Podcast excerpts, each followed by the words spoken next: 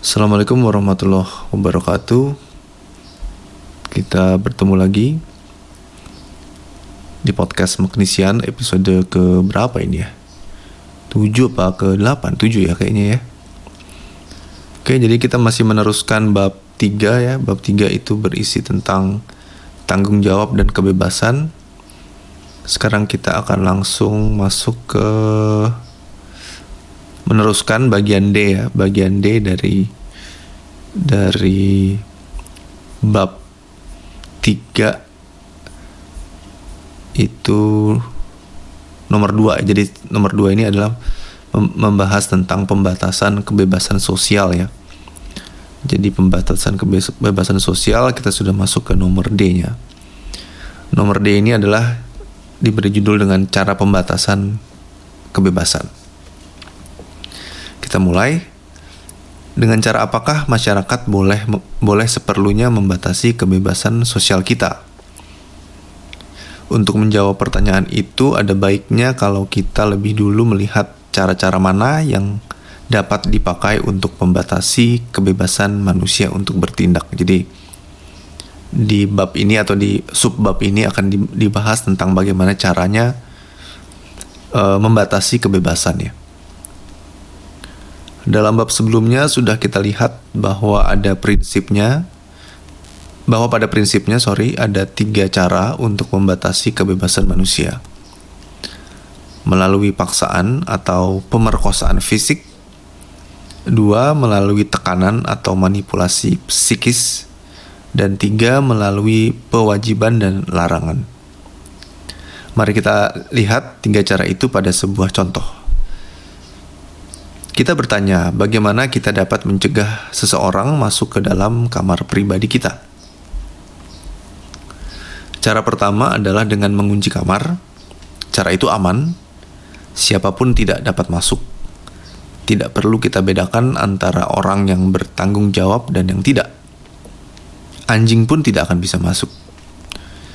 Kemudian cara kedua ialah kita dapat mengkondisikan seseorang sedemikian rupa Hingga begitu ia melihat hingga begitu ia melihat pintu kamar kita, ia mulai bergetar ketakutan dan tidak sanggup untuk memegang pegangan pintu meskipun pintu sebenarnya tidak apa-apa dan tidak terkunci. Cara itu juga dapat dipakai untuk anjing atau sapi. Sapi misalnya mudah belajar merasa takut terhadap kawat sederhana yang bertegangan listrik rendah kalau kemudian listrik dimatikan, sapi untuk waktu cukup lama tidak berani menyentuh kawat yang membatasi perumputannya itu. Yang menarik ialah bahwa pembatasan fisik dan psikis tidak hanya berlaku bagi manusia, melainkan juga binatang. Inti cara itu ialah bahwa sikap pihak yang mau dirintangi agar ma jangan masuk tak perlu diperhitungkan sikapnya tidak perlu di, di, diperhitungkannya. Pokoknya dia tidak sanggup masuk, entah karena secara fisik tidak dapat, entah karena ada hambatan psikis yang kuat. Lain sifatnya cara ketiga, yaitu kita memasang tulisan pada pintu kamar, dilarang masuk. Oke, jadi tadi ada dua dua cara gitu ya. Caranya sangat uh, menggunakan fisik dan psikis gitu ya. Ada ada larangan secara fisik gitu. Pintu dikunci atau misalnya uh, secara psikis kita diganggu. Tadi contohnya adalah sapi ya sapi diganggu dengan atau dia me, dia diberikan satu um, bukan rangsangan ya apa ya satu peringatan gitu mungkin ya. Peringatan kalau kamu dekat sini kamu akan kena setrum gitu ya. Jadi dia secara psikis akan menjadi semacam trauma gitu ya. Jadi dia secara insting dia akan menjaga jarak dengan daerah yang ada aliran listrik uh, tadi gitu ya. Oke, kemudian kita masuk ke yang yang ketiga. Yang ketiga adalah misalnya kita memasang tulisan pada pintu kamar dilarang masuk. Pembatasan kebebasan ini tidak lagi efektif terhadap anjing dan sapi, melainkan hanya terhadap manusia. Dan bukan terhadap sembarang orang, melainkan hanya terhadap orang yang mengerti bahasa Indonesia. Orang lain barangkali mengira itu nama penghuni dan justru masuk menanyakan sesuatu uh, pada si Pak masuk misalnya. Karena kan ada dilarang masuk. Mungkin kalau orang yang tidak paham dengan bahasa Indonesia dia pikir mungkin masuk itu adalah nama orang. Jadi dianggap ini rumahnya Pak masuk gitu ya. Jadi cara ketiga ini mengandaikan pengertian. Hanya makhluk yang mempunyai pengertian memahaminya. Cara pembatasan cara pembatasan ini disebut normatif. Artinya kita diberitahu tentang sebuah norma atau aturan kelakuan. Cara ini menghormati ke kekhasan manusia sebagai makhluk yang berakal budi. Pembatasan fisik dan psikis meniadakan kebebasan eksistensial. Orang tidak dapat masuk, jadi kemauannya, rasa tanggung jawabnya tidak memainkan peranan. Tetapi pembatasan normatif tetap menghormati kebebasan eksistensial manusia. Pembatasan itu berarti bahwa ia tidak boleh masuk dan itu berarti bahwa ia tetap dapat saja masuk apabila ia tidak mau memperhatikan pemberitahuan itu. Ya, jadi kan kalau kita ada tulisan dilarang masuk ya kan kita sebenarnya kembali ke kitanya gitu. Kita tahu itu ada tulisan dilarang masuk, ada pintu yang yang di yang di depannya ditulis dilarang masuk berarti uh, orang yang di dalam ruangan itu meminta kita untuk tidak masuk. Tapi kan sebenarnya kembali ke kitanya gitu. Kita mau mau menerobos sebenarnya bisa-bisa aja gitu. Berarti kita tidak tidak menghargai apa yang dia apa yang diminta oleh oleh orang yang di dalam gitu. Atau kita tidak kita tidak mentaati peraturan yang yang ada di di pintu tersebut. Jadi sebenarnya kita punya kemampuan untuk itu. Gitu. Jadi pembatasan kebebasan sosial secara normatif tetap menghormati martabat uh, manusia sebagai makhluk yang dapat menentukan sendiri sikap dan tindakannya. Kebebasan eksistensial malah ditantang. Jadi kan kita kita ditantang, kita mau masuk atau kita mentaati peraturan tadi ya. Sekarang akan kelihatan apakah ia seorang yang tahu diri dan tahu tanggung jawab atau tidak. Waktu saya 25 tahun yang uh, waktu saya 25 tahun lalu tinggal di sebuah desa di daerah Kulon Progo, Yogyakarta. Ini maksudnya Romo Magnis ya, pernah tinggal di Yogyakarta. Saya sering berkunjung ke rumah penduduk untuk sekedar uh, latihan omong dalam bahasa Jawa. Mereka mengatakan kepada saya bahwa daerah mereka aman dan bahwa tidak perlu pintu rumah mereka dikunci apabila siang hari mereka pergi. Kenyataan itu mengungkapkan mutu kehidupan bersama masyarakat di desa itu. Mereka dapat saling mempercayai dan sebaliknya kalau kita hidup dalam sebuah asrama dan sebaliknya. Sorry, mereka dapat saling mempercayai dan sebaliknya. Kalau kita hidup dalam sebuah asrama, masing-masing dalam kamarnya sendiri dan menurut kebiasaan kamar tidak pernah dikunci, dan pada suatu hari ketahuan bahwa salah satu penghuni mengunci pintu kamarnya. Yang lain-lain mesti merasa terhina karena penguncian itu mereka rasakan sebagai tanda bahwa mereka tidak dipercayai. Memang demikian. Pertimbangan ini menunjukkan bahwa satu-satunya cara yang wajar untuk membatasi kebebasan sosial adalah secara normatif, melalui pemberitahuan. Jadi, yang harus dibatasi adalah kebebasan normatif, bukan kebebasan fisik dan rohani. Hanya dengan cara itu martabat manusia sebagai makhluk yang berakal budi, bebas secara eksistensial, dan bertanggung jawab dihormati sepenuhnya. Pemaksaan selalu merendahkan manusia karena martabatnya itu dianggap sepi dan ia direndahkan pada tingkat kerbau. Maka, pembatasan kebebasan sosial manusia yang memang perlu harus dilakukan secara normatif. Jadi dengan menetapkan peraturan dengan cara pemberitahuan dan bukan dengan paksaan ya. Jadi uh, kebebasan sosial memang tadi kan sudah dibahas ya di episode lalu juga sudah dibahas.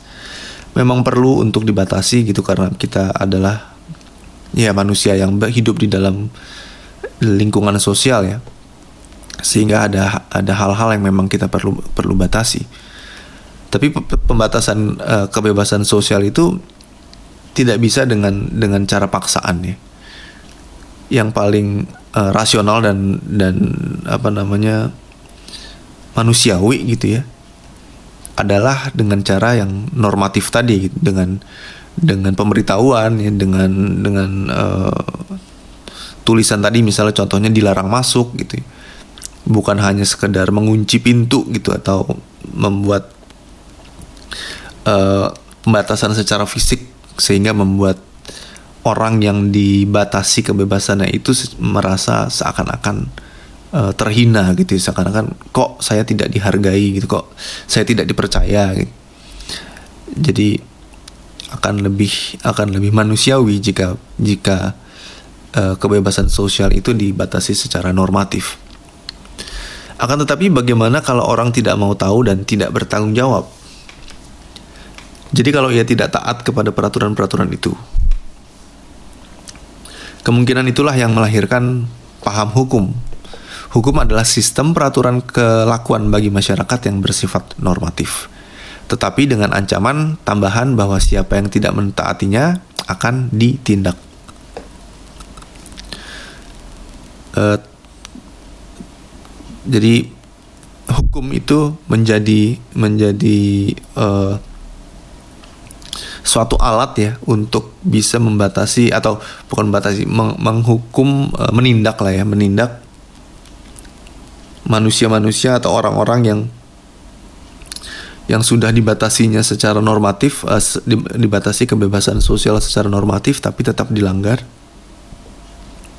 Itu bisa kena uh, bisa kena tindakan kalau kalau dia sudah uh, ada yang namanya peraturan-peraturan atau hukum itu tadi kita sudah melihat bahwa pembatasan kesewenangan tiap-tiap manusia demi kebebasan dan hak semua orang dan demi kepentingan bersama adalah wajar dan perlu. Oleh karena itu, masyarakat juga berhak untuk memastikan bahwa aturan-aturan yang dianggapnya penting bagaimanapun juga tidak dilanggar. Dan oleh karena itu, masyarakat juga berhak untuk seperlunya mengambil tindakan untuk menjamin bahwa aturan-aturan itu tetap dihormati. Sudah cukup jelas tadi ya um, paragraf yang uh, tentang hukum tadi. Tindakan macam apa yang boleh diambil? Jawabannya ialah tindakan fisik.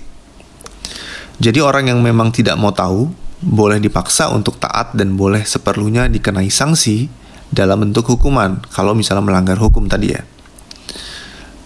Jadi orang uh, jadi orang yang mengancam orang lain boleh ditangkap, diborgol dan dijatuhi hukuman penjara. Semua tindakan itu mengurangi kebebasan fisiknya, sama halnya dengan kerbau yang diikat di kandangnya. Bahwa tindakan fisik yang sebetulnya tidak wajar diambil adalah kesalahannya sendiri karena ia tidak menanggapi pembatasan normatif. Jadi jika ada peraturan yang memang sudah membatasi kita secara normatif, kemudian ada yang melanggarnya, ya pelanggar itu bisa dihukum atau wajar saja kalau dia kena hukuman gitu. Jadi bukan sesuatu yang uh, aneh atau luar biasa ya atau apa ya yang atau sesuatu yang patut dipertanyakan gitu karena memang ya memang demikian memang dia dia melanggar ya sudah sewajarnya di di di ditindak gitu ya. Yang tidak pernah dapat dibenarkan sebagai cara untuk membuat orang taat adalah manipulasi psikis. Manipulasi psikis secara moral selalu buruk dan harus dinilai jahat karena merusak kepribadian orang dari dalam. Paksaan fisik hanya mengenal kejasmania, kejasmanian uh, manusia. Apa yang dipikirkannya, sikap hatinya jadi sumber daya penentuannya sendiri tidak tersentuh. Dalam arti ini betul bahwa dalam belenggu pun orang masih dapat tetap bebas tindakan fisik yang perlu tidak mau memperkosa otonomi seseorang terhadap dirinya sendiri, melainkan hanya mencegah agar ia jangan merugikan orang lain. Sedangkan manipulasi psikis merusak manusia dari dalam. Maka tekanan psikis menakut-nakuti, penggunaan berbagai obat bius, sugesti, hipnotis ya. Penyiksaan dengan tujuan untuk memperlemah ketekatan batinnya tidak pernah dapat dibenarkan, melainkan selalu harus dikutuk sebagai tindakan kotor dan jahat. Ya, jadi manipulasi psikis itu sebenarnya lebih jahat ya dibanding dibanding paksaan fisik gitu karena dia akan cenderung melukai bukan hanya sekadar fisik tapi juga melukai secara uh, psikologisnya gitu ya, secara batinnya gitu. Dan itu adalah tindakan yang tindakan yang jahat. Oke, kita lanjutkan ke subbab 3 ya. Kebebasan eksistensial dan tanggung jawab. Tadi kan kebebasan sosial ya, sekarang kita masuk ke kebebasan eksistensial dan dan tanggung jawab. Sampai sekarang kita membahas kebebasan sosial dan pembahasannya. Tetapi kebebasan dari paksaan, tekanan dan larangan pada dirinya sendiri belum bernilai positif. Melainkan hanya merupakan kesempatan atau ruang bagi kita. Ruang itu perlu diisi, yang mengisinya adalah kita dan pengisian itu disebut kebebasan eksistensial. Adanya kebebasan sosial berarti bahwa masyarakat menyediakan ruang bagi kebebasan eksistensial kita. Jadi sekarang kitalah yang bertanggung jawab bagaimana mempergunakannya. Apakah ruang kebebasan itu bernilai atau tidak tergantung pada bagaimana kita menentukan diri kita di dalamnya. Kebebasan eksistensial berarti bahwa kita bagaimanapun juga harus mengambil sikap. Jadi kitalah yang bertanggung jawab atas sikap dan tindakan kita dan bukan masyarakat. Kita tidak dapat lari dari tanggung jawab itu kalau walaupun kita ikut-ikutan saja dan tidak berani untuk mengambil sikap sendiri. Hal itu pun menjadi tanggung jawab kita. Oke, sekarang kita masuk ke mempertanggungjawabkan kebebasan ya. Jadi ini akan dibahas tentang kebebasan eksistensial ya. Ya, jadi kebebasan eksistensial kan seperti yang sudah dibahas di bab-bab sebelumnya ya.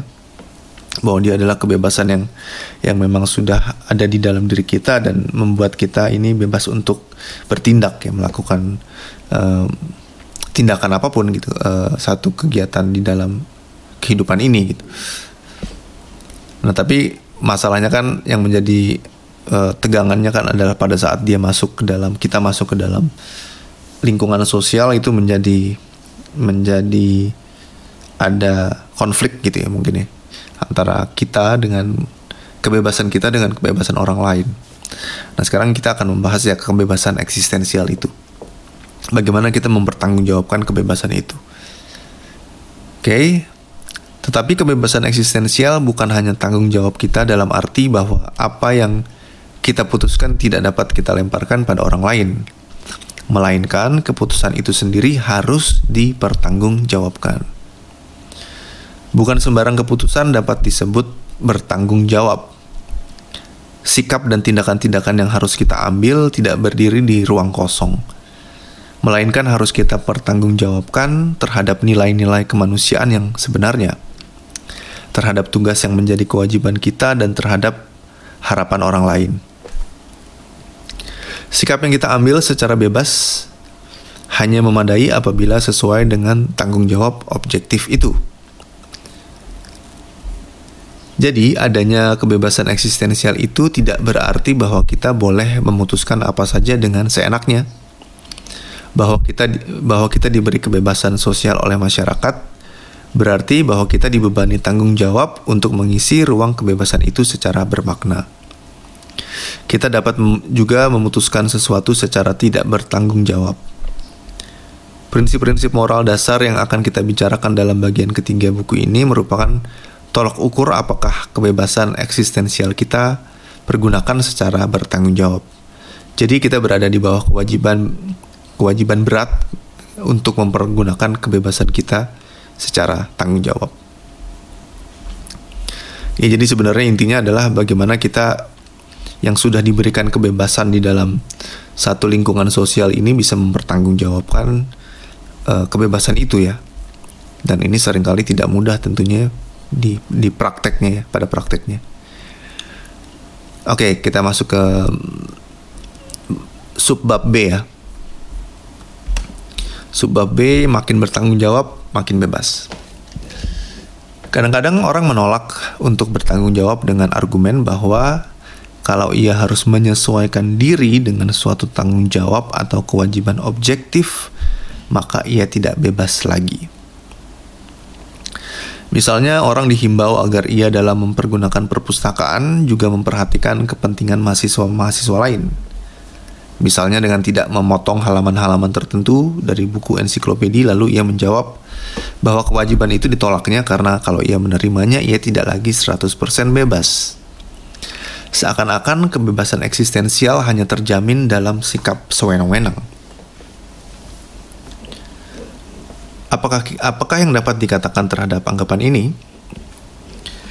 Untuk menjawab pertanyaan itu kita harus menganalisis apa yang sebenarnya terjadi apabila seseorang menolak untuk bertanggung jawab dengan argumen bahwa dengan demikian ia akan kehilangan kebebasannya.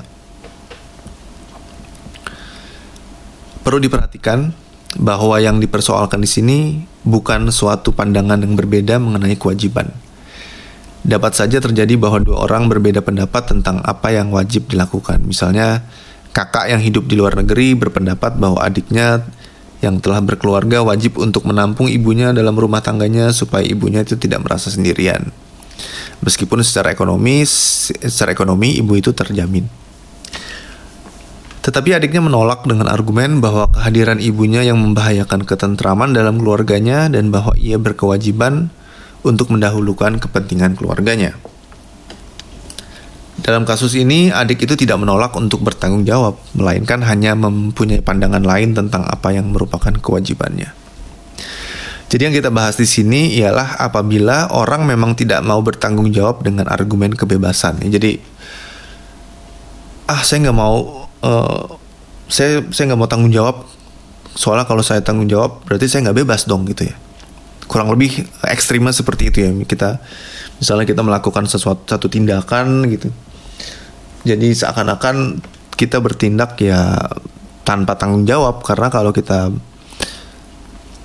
bertindak dengan tanggung jawab berarti kita merasa kita tidak bebas. Kebebasan kita di dihalangi gitu. Itu yang akan dibahas di sini. Untuk menganalisis argumentasi ini kita harus bertanya apa artinya kalau orang menolak untuk bertanggung jawab apa ia lantas lebih bebas? Oke, jadi ini ini sebenarnya bahasan yang uh, cukup penting ya, uh, di, terutama di di uh, konteksnya dengan dengan kebebasan gitu ya. Seringkali kan kita mendengar kata kebebasan atau bebas gitu, seakan-akan ya udah free, suka-suka kita. Gitu. Kita mau ngapain, kita mau berbuat apa ya free, kita bebas gitu. Kita adalah kita adalah uh, manusia bebas gitu ya terlahir sebagai manusia bebas atau mungkin kita sering dengar istilah free country gitu ya seakan-akan dengan dengan free country ini artinya orang-orang yang menjadi warga negara uh, negara itu menjadi bebas untuk berbuat apa pun gitu ya, tanpa tanggung jawab. Menolak untuk bertanggung jawab berarti tahu dan sadar tentang apa seharusnya dilakukan apa yang seharusnya dilakukan tetapi tidak melakukannya juga. Ya dia sadar dia tahu bahwa itu memang harus dilakukan gitu. Tapi dia tidak melakukan. Itu artinya dia menolak untuk bertanggung jawab. Mengapa ia tidak mau? Padahal ia menyadari tanggung jawabnya. Tentu karena tentu karena melakukan tanggung jawab dirasakan sebagai terlalu berat. Ada banyak kemungkinan mengapa orang tidak mau bertanggung jawab. Ia suka malas dan tidak bertanggung jawab adalah lebih ringan ada urusan lain yang lebih menarik jadi ia uh, acuh tak acuh atau cuek aja gitu ya. Tidak bertanggung jawab adalah lebih enak. Karena ia tidak mau susah ia takut satu bahaya. Ada yang tidak ada yang tidak setuju atau melawan atau ia sedang sentimen ia lagi tersinggung. Atau ia tidak dapat mengatasi hawa nafsu dan dan emosi. Orang yang tidak bertanggung jawab pada uh, orang yang tidak mau bertanggung jawab berada dalam situasi itu. Di satu pihak, ia sadar akan tanggung jawabnya. Jadi ia sebenarnya tahu perbuatan perbuatan apa yang paling bernilai baginya. Yang paling pantas dan paling wajar. Tetapi karena ia malas, tak mau susah, takut, lemas, emosi, sentimen atau dikuasai nafsu, maka ia tidak kuat untuk melakukannya. Ia terlalu lemah untuk melakukan apa yang dilihatnya sendiri uh, sebagai paling luhur dan penting. Ia bagaikan orang yang sebenarnya senang berdiri di puncak gunung. Tetapi karena tak mau bangun pagi, tak tahan haus dan dingin, dan terlalu loyo untuk memaksa diri, maka ia tidak jadi naik. Jadi menolak untuk bertanggung jawab tidak membuat kita menjadi lebih bebas, melainkan sebaliknya. Orang yang tidak bertanggung jawab adalah orang yang tidak kuat untuk melakukan apa yang dinilainya sendiri sebagai paling baik. Jadi ia kurang bebas untuk menentukan dirinya sendiri. Kebebasan eksistensialnya justru memudar ya. Jadi justru di sini orang yang tidak bertanggung jawab justru sebenarnya dia tidak bebas. Dia kebebasan eksistensialnya itu ter tertahan ya, terha, terhambat karena tadi ya misalnya contohnya tadi dia ingin melakukan sesuatu tapi karena dia dia tahu bahwa dia kalau kalau dia melakukan itu dia akan menjadi lebih lebih baik lebih enak lebih nyaman gitu ya. Tapi karena dia tadi males atau dia segan atau dia takut ya atau dia apa pun gitu ya. Jadi dia menolak untuk melakukan itu karena karena dia dia dia takut dengan tanggung ta, uh, tanggung jawabnya itu gitu. Misalnya kayak tadi contohnya adalah dia naik gunung ya. Naik gunung kan ya tentunya capek ya tentunya akan butuh waktu butuh tenaga butuh uh, butuh butuh apa namanya ya fisik yang kuat gitu ya.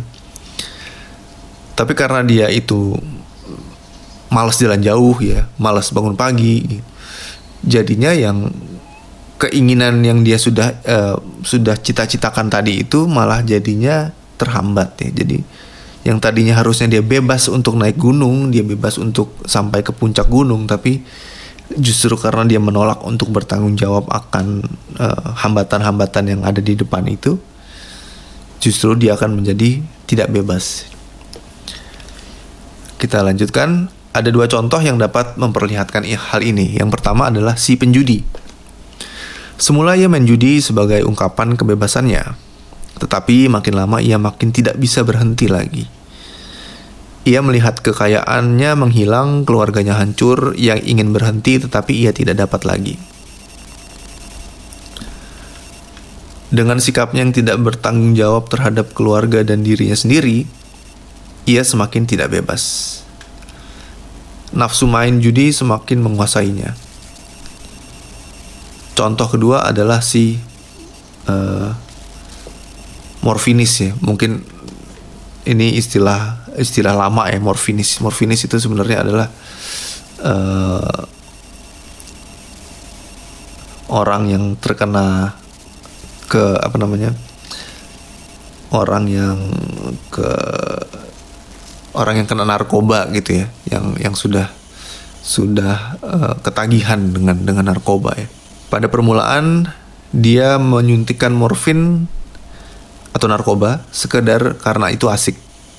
Sebagai tanda pemberontakan dari kebebasannya terhadap anggapan-anggapan dunia yang mapan seperti orang tua, guru, dan generasi tua pada umumnya. Ia merasa bebas dan karena itu ia menyuntikkan narkoba ke dalam uratnya. Lama-kelamaan ia semakin ketagihan. Ia tidak lagi dapat mengerjakan pekerjaan sekolah, sulit berkonsentrasi, pergaulan dengan keluarga, kemudian dengan teman-teman, eh, teman-teman dan bahkan dengan pacarnya berkurang. Pikirannya semakin hanya berputar sekitar satu pertanyaan. Dari mana dan kapan saya mendapat shot yang berikut atau atau uh, bisa bisa nyuntik ya. Perhatian pada kehidupan sosial, musik, masalah politik dan lain-lain memudar. Untuk mencari uang, ia melakukan tindakan-tindakan kriminal yang dulu dipertimbangkan saja tidak. Dan ia semakin tidak kuat lagi untuk melakukan pekerjaan apa pun, ia sudah menjadi budak narkoba. Secara lebih terperinci, penolakan untuk bertanggung jawab mempunyai dua akibat. Pertama, persepsi atau wawasan semakin sempit, semuanya hanya dilihat dari kepentingan dan perasaan sendiri. Yang penting ialah agar ia uh, tidak perlu susah, tidak terganggu, aman. Orang yang iri hati, tersinggung atau dendam memang tertutup. Mereka tidak dapat memperhatikan sesuatu di luar perasaan sendiri. Mereka berputar sekeliling mereka sendiri. Mereka sempit. Kedua, orang yang tak mau bertanggung jawab menjadi semakin lemah semakin tidak bebas lagi untuk menentukan diri sendiri sebagaimana kita lihat pada penjudi dan morfin atau uh, uh, apa namanya yang menggunakan narkoba tadi ya. Ia semakin membiarkan diri ditentukan oleh dorongan-dorongan ira irasional yang tidak dikuasainya. Oleh perasaannya, emosinya, dan sentimennya, oleh kemalasannya, oleh perasaan takut ia tidak lagi sanggup untuk merealisasikan sesuatu yang dilihatnya sendiri sebagai bernilai. Karena mengalah terhadap perasaan-perasaan subrasionalnya, ia semakin tidak kuat untuk melawan arus, jadi ia semakin tidak bebas untuk menentukan dirinya sendiri. Sebaliknya, orang yang bersedia bertanggung jawab semakin kuat dan bebas, dan semakin meluas wawasannya. Ia tidak terhalang oleh segala macam perasaan dalam mengejar apa yang dinilainya sebagai penting dan luhur. Ia kuat dan terlatih untuk mengatasi segala halangan dan kelemahan. Ia bagaikan pendaki gunung yang tangguh, kesulitan dan pengorbanan apa pun tidak akan menghalanginya dari mencapai puncak gunung yang dicita-citakan. Memang kemampuan untuk berkorban demi suatu tujuan luhur membuat kita menjadi tangguh dan bebas. Orang yang bertanggung jawab dengan demikian adalah orang yang menguasai diri, tidak ditaklukkan oleh perasaan-perasaan dan emosi yang sanggup untuk menuju tujuan yang disadarinya sebagai penting, meskipun hal itu berat. Jadi semakin kita bertekad untuk bertanggung jawab, semakin kita juga bebas. Orang tidak menjadi dirinya sendiri dengan mengelak dari tanggung jawabnya, melainkan dengan mengakuinya, mengakuinya dan dengan berusaha untuk melaksanakannya. Ya. Jadi ini kayaknya sudah cukup clear ya bahwa semakin kita lari dari tanggung jawab, semakin kita ter, terkekang. Kebebasan kita semakin di di di dihambat ya.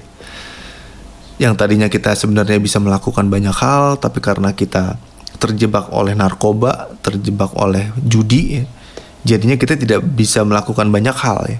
Yang tadinya harusnya bisa bisa membebaskan kita untuk untuk melakukan banyak hal tapi karena judi dan narkoba ini jadi jadinya ter uh, terhambat.